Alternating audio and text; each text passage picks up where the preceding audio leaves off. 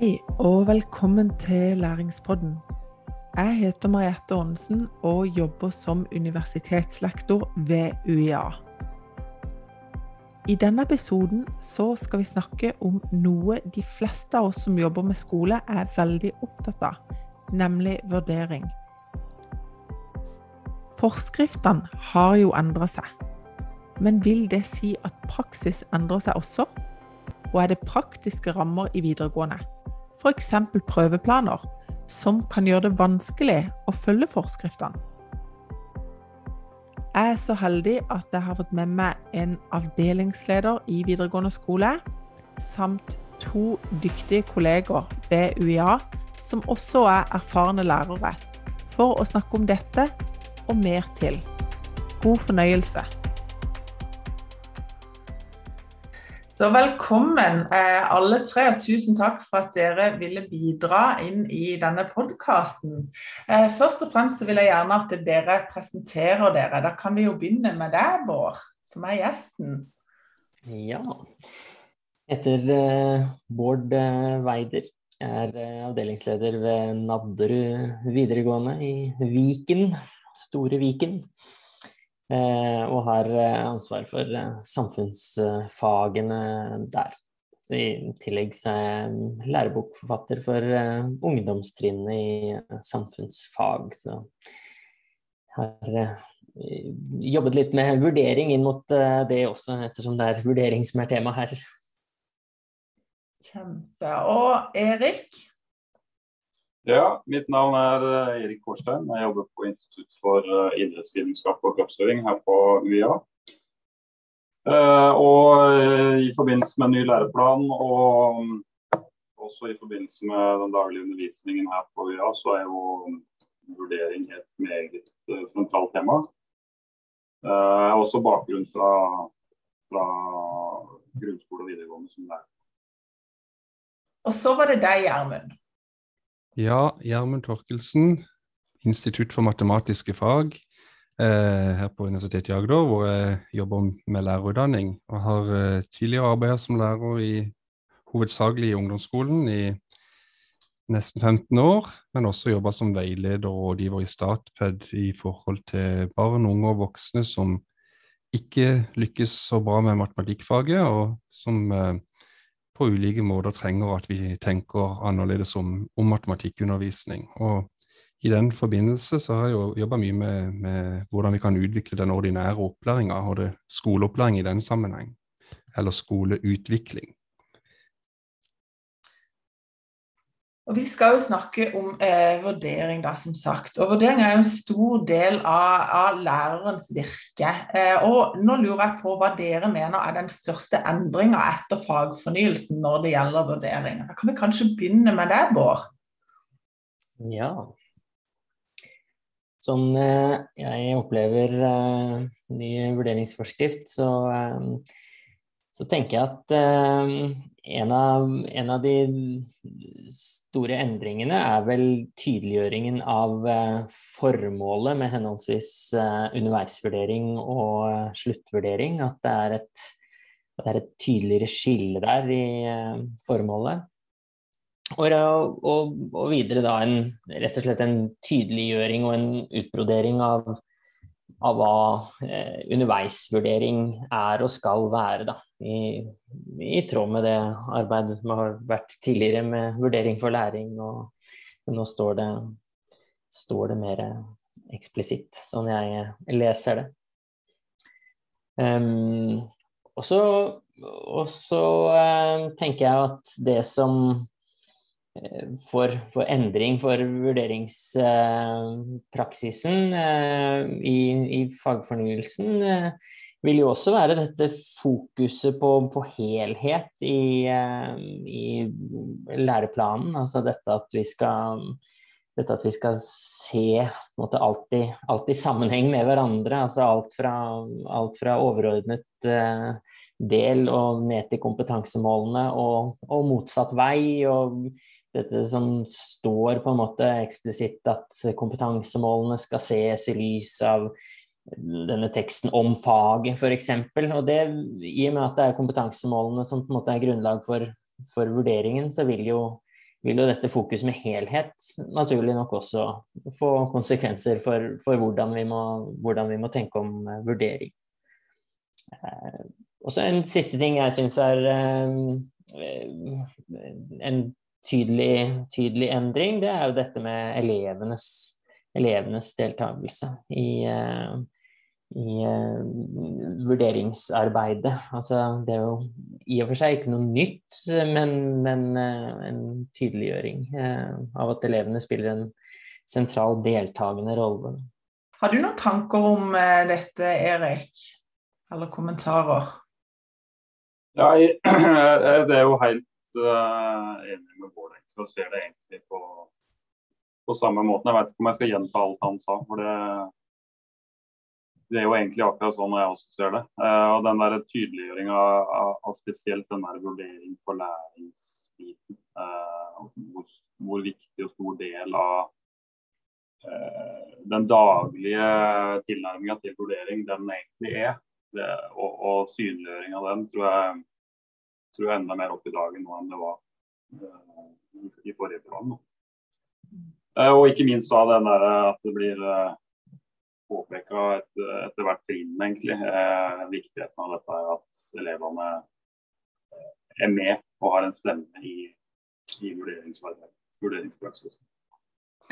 vurderingspraksisen. Det er en veldig fin sammenheng nå, opplever jeg, mellom forskrift til opplæringsloven og læreplanverket. Når du ser f.eks. på dette med formålet med vurdering er eh, utvikling og læring, eller læring og lærelyst. Du på en måte gjentar hverandre på en veldig, en veldig god måte. Da presiserer man enda tydeligere hva som er formålet. Men har dere noen erfaring med hvordan denne endringa har blitt gjennomført i praksis til nå? Kanskje jeg kan begynne med deg, Bård? ja, takk. Jeg må jo si at det, det, er jo et litt vanskelig spørsmål etter halvannet år med koronaskole. Eh, men så, så endringen i, i praksis det, det, jeg har lyst til å si der, det er at um, jeg er ikke i tvil om at det i de aller fleste klasserom foregår masse god eh, underveisvurdering, eh, sånn, som du, sånn, som underveisvurderingen er formulert i, i eh, forskriften. Eh, og det er fordi når jeg leser, når jeg leser på en måte forskriften, altså hadde jeg, hadde jeg tatt vekk overskriften, eh, ikke visst hva som var overskriften, og bare lest det som, det som sto om underveisvurdering, så, så tror jeg kanskje like gjerne hadde tippa at dette var, en, uh, dette var, en, beskrivelse av god undervisning.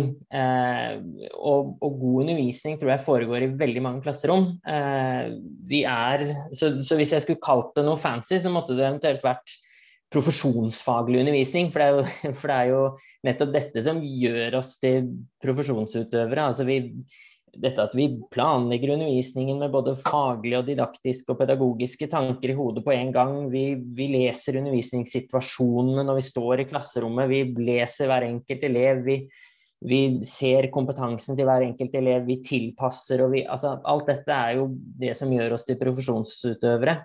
Um, at jeg tenker at det som beskrives som underveisvurdering, det, det tror jeg veldig mange gjør, uh, gjør i klasserommet. Um, så tror jeg kanskje utfordringen, når du spør om hvordan dette blir gjennomført i praksis, det, utfordringen er når vi, når vi setter på en måte det vi er, tenker at vi gjør som profesjonsutøvere med undervisning, eh, når, vi, når vi putter inn begrepet vurdering, for det knytter vi så tett til sluttvurderingsbegrepet og kanskje til og med liksom karakter. Eh, at, at, det blir litt sånn At det kanskje krasjer litt, da, hvis dere skjønner hva jeg mener. At, um, så, så, det er vel kanskje det som uh, kan bli utfordringen videre. Å få det til å bli en, en god sammenheng da, mellom sluttvurdering og underveisvurdering. Eh, og at man kanskje skal forstå både skillet og sammenhengen eh, her. sånn. Veldig enig. Har du en kommentar til det, Gjermund? Ja, jeg følger det som både Erik og, og Bård sa i stad i forhold til endringer i, for, i forhold til ny læreplan. Og eh, og dette, spesielt disse tekstene som står under kompetansemålene, med beskrivelser av underveisvurdering, de viser jo dette med om en skal kalle det for god undervisning, eller at læring skjer. Det blir brukt uttrykk som at det underveisvurderinger skal fremme læring og utvikle kompetanse. Eh, men så er det jo akkurat dette dilemmaet som Bård peker på, da, at, at hva når det kommer en karakter seilende inn her? Eh, som, som, vi har vel erfart, og det er også forskning som viser, på, viser at det, skjer noe da. Og det kan være en forstyrrelse i forhold til, til den læringsprosessen som, som, Intensjonene her er jo veldig gode, eh, men hvordan, hvordan, blir disse dilemmaene i, i klasserommet når det skal leves ut? Og Hvis en tar en parallell til, til ungdomsskolen, så har en jo et handlingsrom der i forhold til at en skal sette en standpunktkarakter til 10. klasse, og en begynner med karakterer på 8. trinn. Og så må en sette en standpunktkarakter til hvert halvår, men utover det så kan en egentlig ta vekk karakterer i veldig store perioder og jobbe med andre vurderingsformer. Eh, så har ikke jeg så mye erfaring fra videregående skole, men det er jo andre her som har. Men, men der er jo ting mer komprimert, sånn som jeg ser for meg. At du har gjerne ett år, du skal ha matematikk 1P etter ett år. Så, så, hvordan kan en Altså Rammene ser jeg for meg i videregående skole er mer krevende på dette området. Så det syns jeg har vært spennende å høre på, på vår og, og dem, Mariette og Erik, hva dere tenker om det for noe. Ja, for Det leder jo veldig fint opp til, til, det vi lurer på. altså Hvilke utfordringer er du bare som avdelingsleder møter når du ønsker å legge til rette for at skolen iverksetter en vurderingspraksis som er i tråd med LK20? Ja.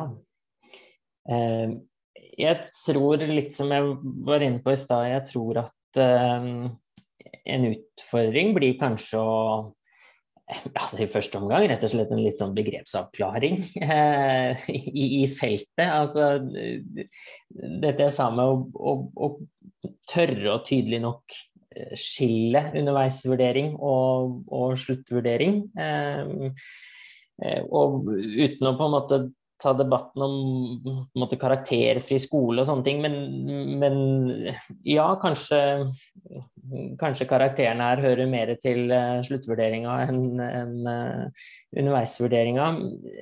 Uh, og, så, og så tror jeg en av de store utfordringene som jeg opplever, det er um, dette spørsmålet som, om hva som skal til for å dokumentere vurderingen, hvis dere, hvis dere, skjønner hvor jeg vil. Altså hva, hva, er på en måte dokumentasjonskrav, eller altså og, og, og, da er det jo vanskelig å unngå å på en måte trekke inn liksom at eh, skriftlige vurderinger eh, er, jo gjerne, eh, er jo gjerne det som eh, Eller jeg opplever i hvert fall at det ofte er det som blir sett på som en, en form for dokumentasjon på vurdering.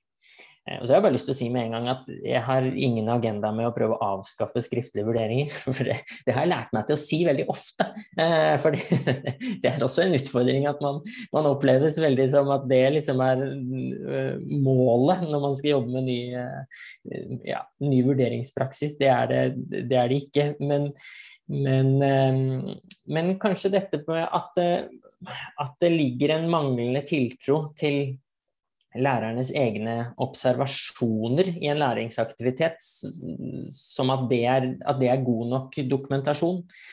Um, tror jeg kanskje er noe av det vi må jobbe med, som både ligger hos måte, Eller absolutt ligger hos uh, skoleledelse um, og, hos, og, hos, lærerne selv. At vi, at vi, rigger oss sånn at det er på en måte anerkjent uh, dokumentasjon. Da er jeg ikke så veldig glad i dette ordet dokumentasjon, men uh, men eh, ja, det tror, jeg, det tror jeg kan være en utfordring. Og så, og så skjønner jeg også at det er, ikke, det er ikke så enkelt som i at nå skal vi bare eh, Litt som det kanskje blir oppfattet av og til. Nå skal vi kutte alle eh, skal vi kutte alle prøver, og så skal vi bare observere i, i klasserommet.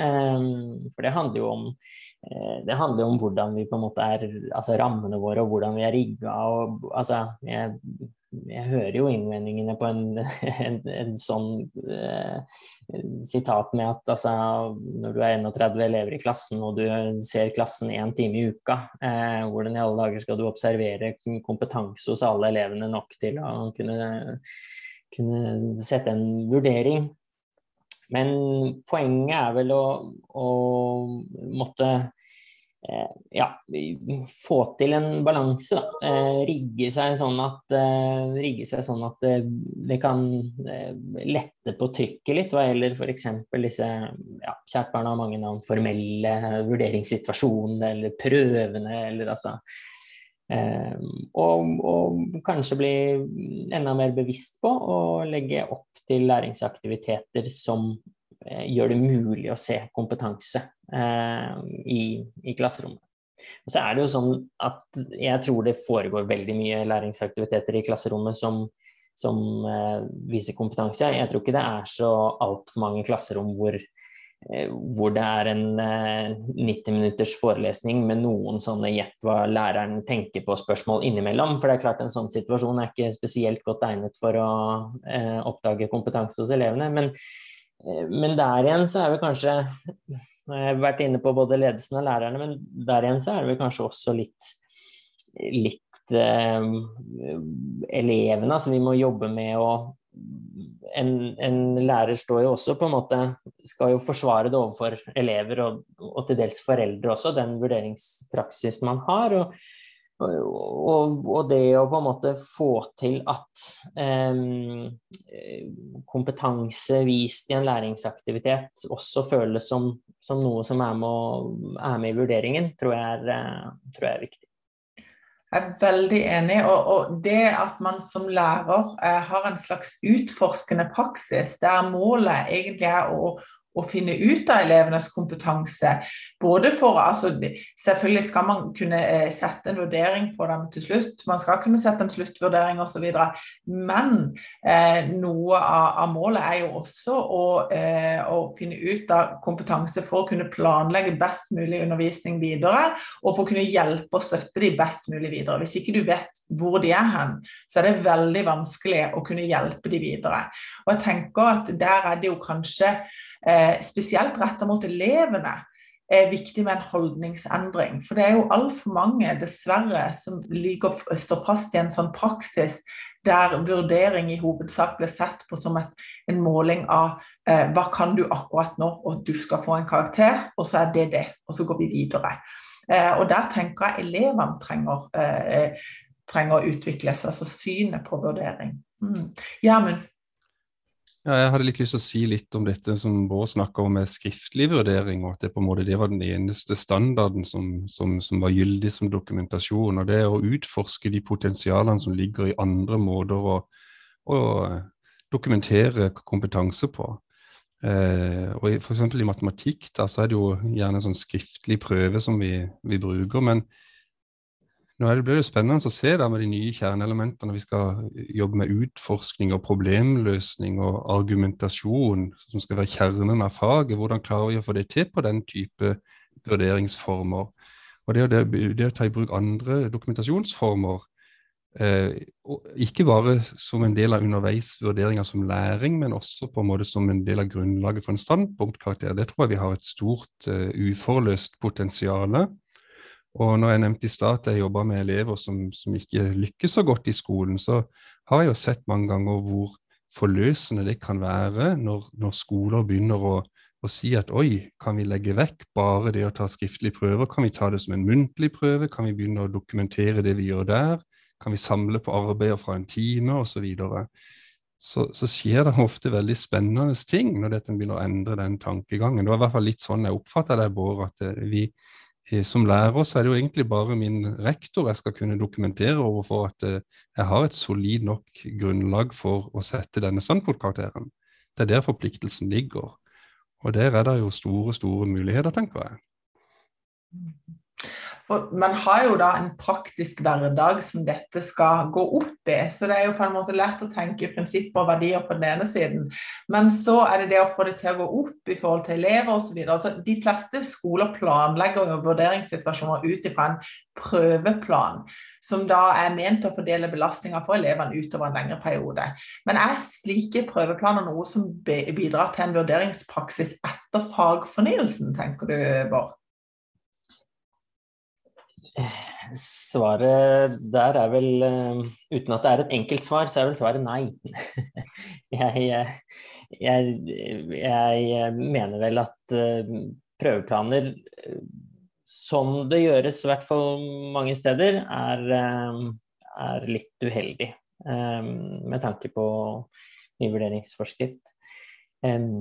Nå, nå, har jeg, eh, nå, har jeg, ingen eh, nødvendigvis eh, fasit eller kjempegode løsninger på, på hvordan, hvordan, det burde gjøres. Altså, for, for, intensjonen med en prøveplan er jo, er jo, god med å på en måte skulle sørge for å spre, spre belastningen til, til elevene. Um, det jeg, det jeg syns kanskje er det som skurrer litt for meg med en sånn prøveplan praksis, det er at i hvert fall i de tilfeller der hvor, som jeg vet gjøres noen steder, at, eh, at rett og slett skoleledelsen eller administrasjonen eh, setter, opp en, setter, opp en, prøveplan som, som sendes, ut til, sendes, ut til, lærere og elever. Eh, for meg så, så harmonerer ikke med det det som står i forskriften om at, eh, om at eh, vurdering skal være en integrert del eh, av, av, undervisningen, altså en litt sånn integrert og flytende del av lærerens undervisning. Når, når det er på en måte ledelsen som har bestemt når, når du skal vurdere elevene. Og så finnes det selvfølgelig mange grader av det å gjøre. Altså man kan jo ha sånn at fagseksjonene sender inn på en måte ønskede datoer. eh, men det er jo veldig styrt. Og så et annet, et annet uh, aspekt ved det er, er, nettopp dette med elevenes eh, holdning til eller tanker om eh, vurdering når det foreligger en sånn vurderingsplan. For min, min opplevelse av det er at eh, altså det, kan, det kan foregå, foregå, så mye på en måte gode læringsaktiviteter eh, i undervisningen som synliggjør kompetanse. Altså det, kan, det kan foregå så mye det vil av det, men så lenge du på en måte har en, har en prøveplan, så er det så er det til syvende og sist de tingene som står i prøveplanen som elevene eh, opplever eller tenker at er tellende for, for sluttvurderingen. Og det tenker jeg er litt uheldig, hvis, hvis, målet er at vi, vi ønsker, å, eh, ønsker, å, komme litt bort fra det. fordi da igjen så er vi jo inne på ok, denne eh, evinnelige diskusjonen om hva er kriteriene for at en vurdering skal komme inn på vurderingsplanen eller prøveplanen. Og så ender det vel ofte opp med at det er skriftlige, skriftlige prøver der også, eventuelt muntlige. Og så blir det diskusjon om ja, men jeg starter muntlig høring på mandag, men skal jeg da føre opp eh, mandag og tirsdag og onsdag, fordi det er alle rekker jo ikke altså, denne diskusjonen har sikkert mange, mange hatt og brukt mye, brukt mye tid på. Um, poenget er at jeg tror elevene sitter igjen med en følelse av at det er det som står, med, står i vurderingsplanen. Og, i hvert fall hvis dette er noe som sendes ut av, av, ledelsen. Så det er klart man sitter med en følelse av at her er det de tellende vurderingene eh, som står. Um, og det, En prøveplan syns jeg er vanskelig da å få til å harmonere med dette som står, med, står om eh, flere og varierte vurderingsmåter eh, i forskriften. Og for all del, du kan sikkert putte inn flere og varierte vurderingsformer i en prøveplan, men eh, ja. Vi har sikkert alle prøvd den diskusjonen med hva som skal inn der. Jeg er veldig enig. Jeg tror at eh, noe av det som skjer, blir jo at det er store, på en måte nesten summative vurderinger som havner inn i en slags prøveplan. Og selv om man forsøker kanskje å gjøre de formative ved å legge inn gode tilbakemeldinger, så tror jeg vi alle som, som har jobba som lærere, vet veldig godt hvor de tilbakemeldingene ofte havner. Fordi dersom eleven er ferdig med å jobbe med et tema eller ferdig med å jobbe med en, uh, utvikling av, av, en ferdighet, så er de ikke så veldig interessert i den tilbakemeldinga lenger. Uh, hvis ikke den er relevant for det de holder på med akkurat her og nå. Så, så, jeg tror det er et veldig, veldig viktig poeng. Jeg vil bare, holdt på å si, I forlengelse av det så vil jeg jo understreke at jeg, jeg forstår absolutt behovet for en, for en koordinering av, av, prøvesituasjonene, hvis vi skal kalle det det, eller vurderingssituasjonene, i all den tid vi, vi har så mange av den type vurderingssituasjoner. og, og spesielt i Her må det nok skilles litt på eller her er det nok store forskjeller mellom de ulike videregående også, hvor, hvor komplekse organisasjoner de er, alt ettersom yrkesfag og Um, og det er stor forskjell mellom, mellom trinnene. Altså, på VG1 så er det kanskje lett lettere å få til dette f.eks. ved å jobbe tettere i, i um, team eller klasselærerråd, eller uh, kjært barn har mange navn her også, men altså jobbe tettere rundt en, en klasse, fordi det er stort sett fellesfag. Um, så er det klart at mange, mange skoler er rigga sånn at de ønsker et, et uh, veldig bredt fagvalg for, for, elevene på VG2 og VG3, og jo bredere fagvalg, jo mer kronglete og håpløst blir det å skulle koordinere vurderingssituasjoner når alle elevene er på kryss og tvers. Eh, sånn at, eh, sånn at jeg, jeg, har veldig forståelse for at, det er, eh, at, at dette er vrient, spesielt på VG2 og VG3. Så, så, så, kanskje eh, har jeg lyst til å si som en Ikke for å konkludere, men, men eh, kanskje er det å på en måte se på prøveplanen litt feil ende å begynne i. Eh, at ja, Noen vil kanskje si at prøveplan er et nødvendig onde i all den tid vi har den, eller hvis man har den vurderingspraksisen der hvor det er mange store, tunge, eh, formelle vurderingssituasjoner. Eh, men så må man jo heller kanskje da begynne å justere vurderingspraksisen, og så kanskje prøveplanen vil eh, behovet vil falle litt bort.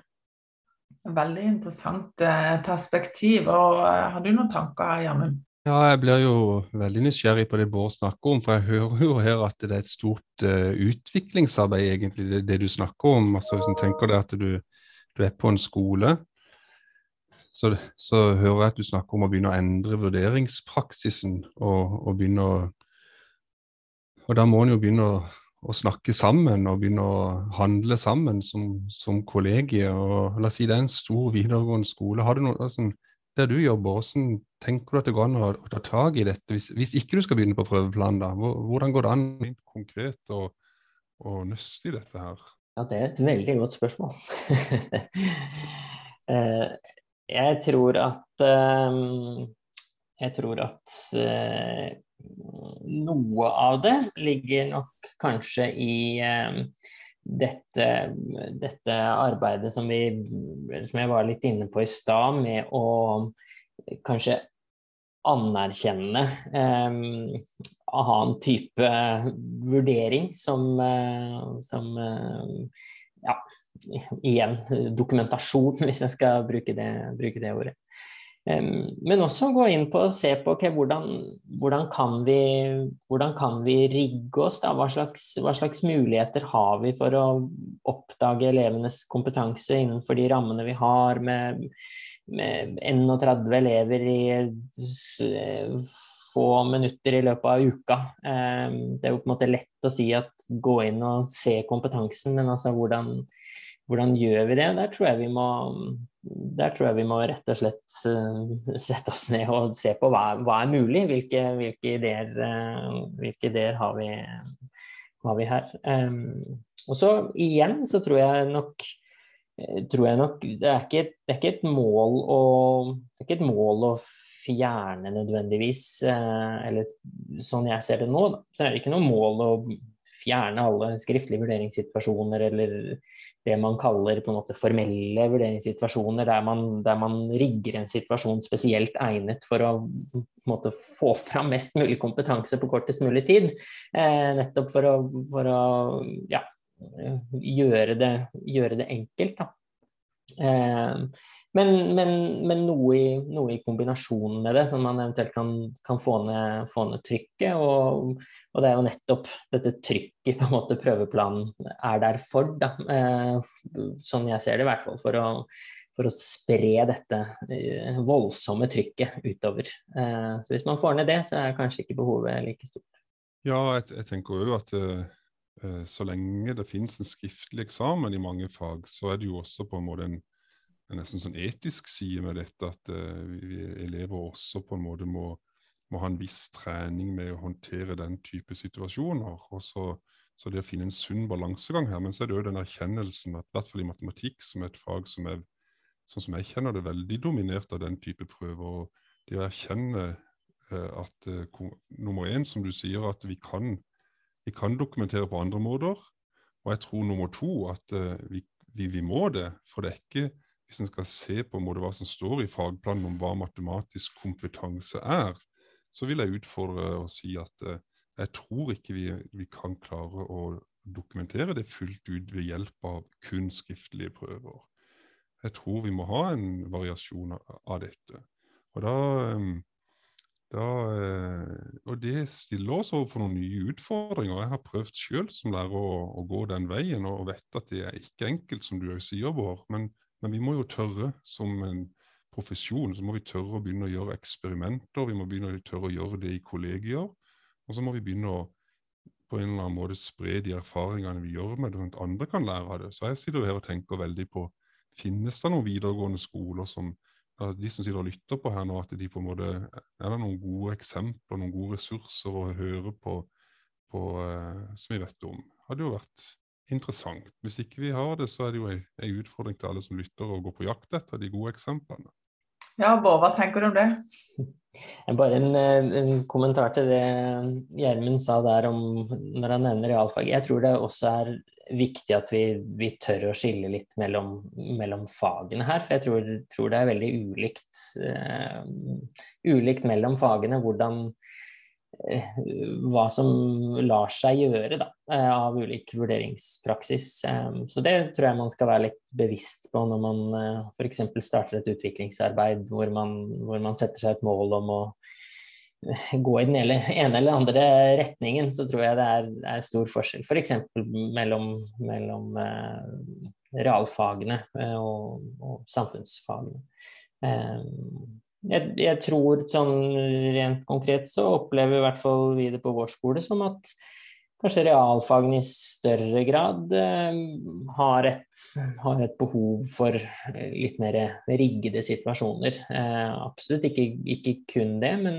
men, eh, men, at det ser ut til å være i hvert fall en tanke om at, om at der trengs det kanskje mer enn en andre. Hvorvidt det er tilfellet, tilfelle, det har jeg ikke nok belegg for å, for å uttale meg om. Men eh, jeg tror man skal tørre, tørre å angripe fagene litt forskjellig, i hvert fall. Det tror jeg er et veldig viktig poeng å se på en måte fagenes eh, altså ulikheter i forhold til vurderingssituasjoner og den praktiske organiseringa, hvilke behov som ligger der. For Det er klart det, det er ganske annerledes å undervise språkfag eh, i, i, forhold til f.eks. For realfag eller samfunnsfag. Eller, eh, så, så, tror jeg er et veldig veldig viktig poeng. Så etter din mening da burde vi revurdere nytteverdien av prøveplaner og denne veldig praktiske organiseringa, eller er det noe som bør, bør beholdes? Eh, min mening er definitivt at man burde, burde revurdere nytteverdien av det. Ja. I hvilken ende man skal begynne, det, det er jeg usikker på. Men, eh, men akkurat en, en, prøveplan i sin ekstreme form, eh, i hvert fall, der hvor på en måte datoene settes og sendes ut fra toppen, det er for meg veldig lite Harmonerer veldig lite med, med vurderingsforskriften. det bør være mer i hvert fall tilpassa både lærere og elevers eh, behov, hvis, hvis man skal, skal, ha det. Eh, men eh, sånn avslutningsvis, hva tenker dere nå at ledere og lærere kan, kan gjøre nå i praksis framover? Så noen praktiske tips i forhold til eh, vurdering og, og, forandringer som kommer med fagfornyelsen av ny vurderingsforskrift. Eh, kan vi begynne med deg, Bård? Ja.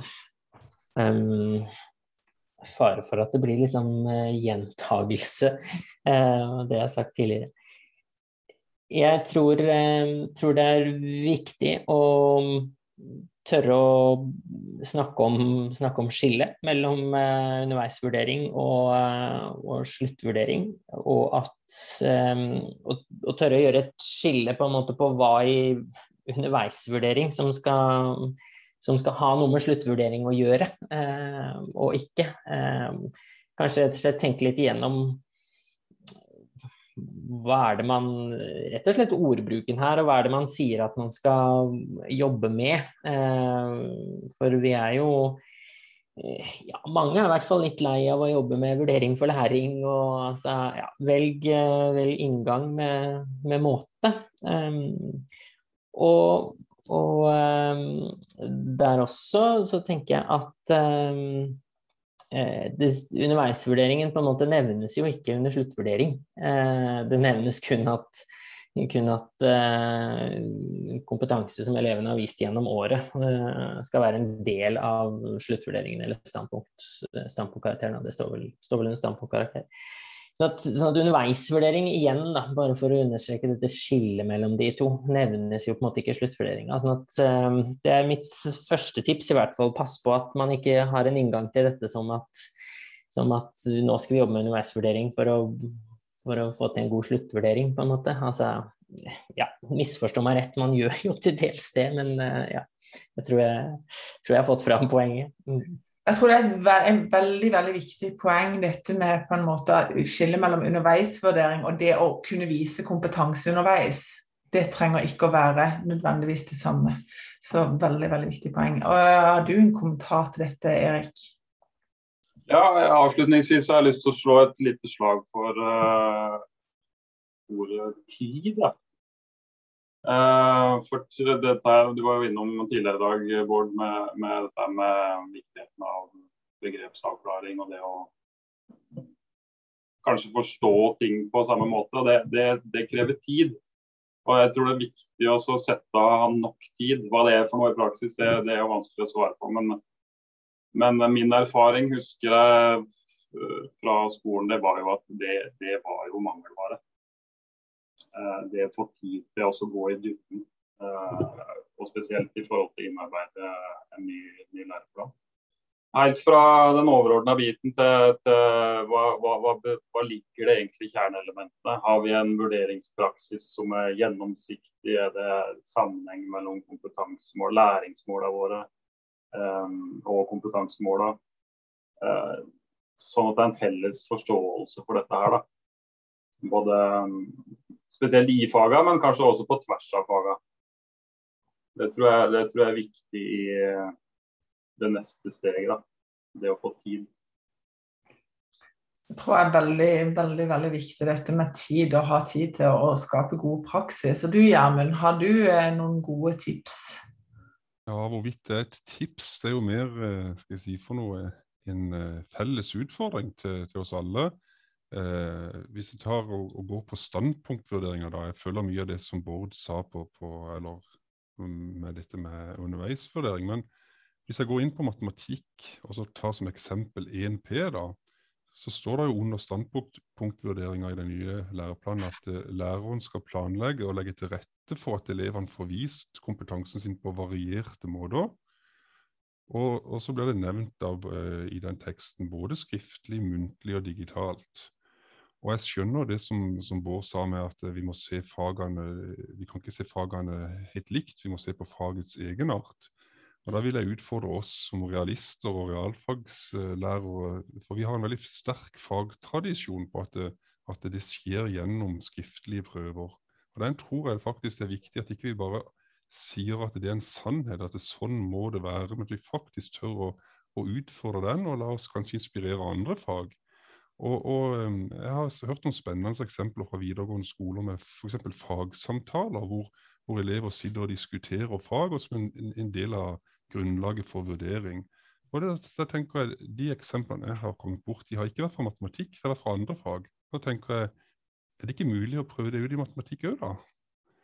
Eh, eh, så det er jo, Nå har ikke jeg den posisjonen at jeg kan prøve det ut med en klasse i videregående skole, men jeg, i, mitt hode så tenker jeg at det, det burde jo være mulig.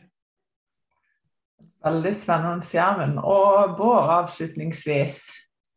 Ja, med fare for å komme med denne Husk at det er forskjell på kunnskap og kompetanse, så har jeg heller lyst til å vri det til at et tips må jo være å utforske det potensialet som ligger i at det er kompetanse vi skal vurdere, og ikke bare kunnskap. Eh, og og eh, virkelig liksom idémyldre rundt okay, hva, hvilke muligheter, hvilken bredde ligger det faktisk i eh, dette med at vi skal vurdere kompetansen. Eh, for, eh, for jeg, jeg, tror at jeg tror veldig mange er veldig gode til å, til å Eh, vurdere kompetanse, men kanskje ligger det en, en, enda, en, enda, større bredde der, eller mulighet for Og ikke, ikke minst, igjen bare for å, å si, avslutte med det som, eh, som vel er liksom eh, gjennomsyrer alt vi driver med i Skole-Norge om dagen, altså eleven i sentrum, eh, så er jo det noe som vi eventuelt må gjøre for å Altså, det vil jo eleven tjene på, definitivt. At vi undersøker hvilke, hvilke muligheter som ligger i Eller bredde som ligger i kompetansebegrepet. Og Det tenker jeg var en veldig fin avslutning på en god samtale. Da eh, må jeg si tusen takk til dere tre for at dere stilte opp for å diskutere vurdering.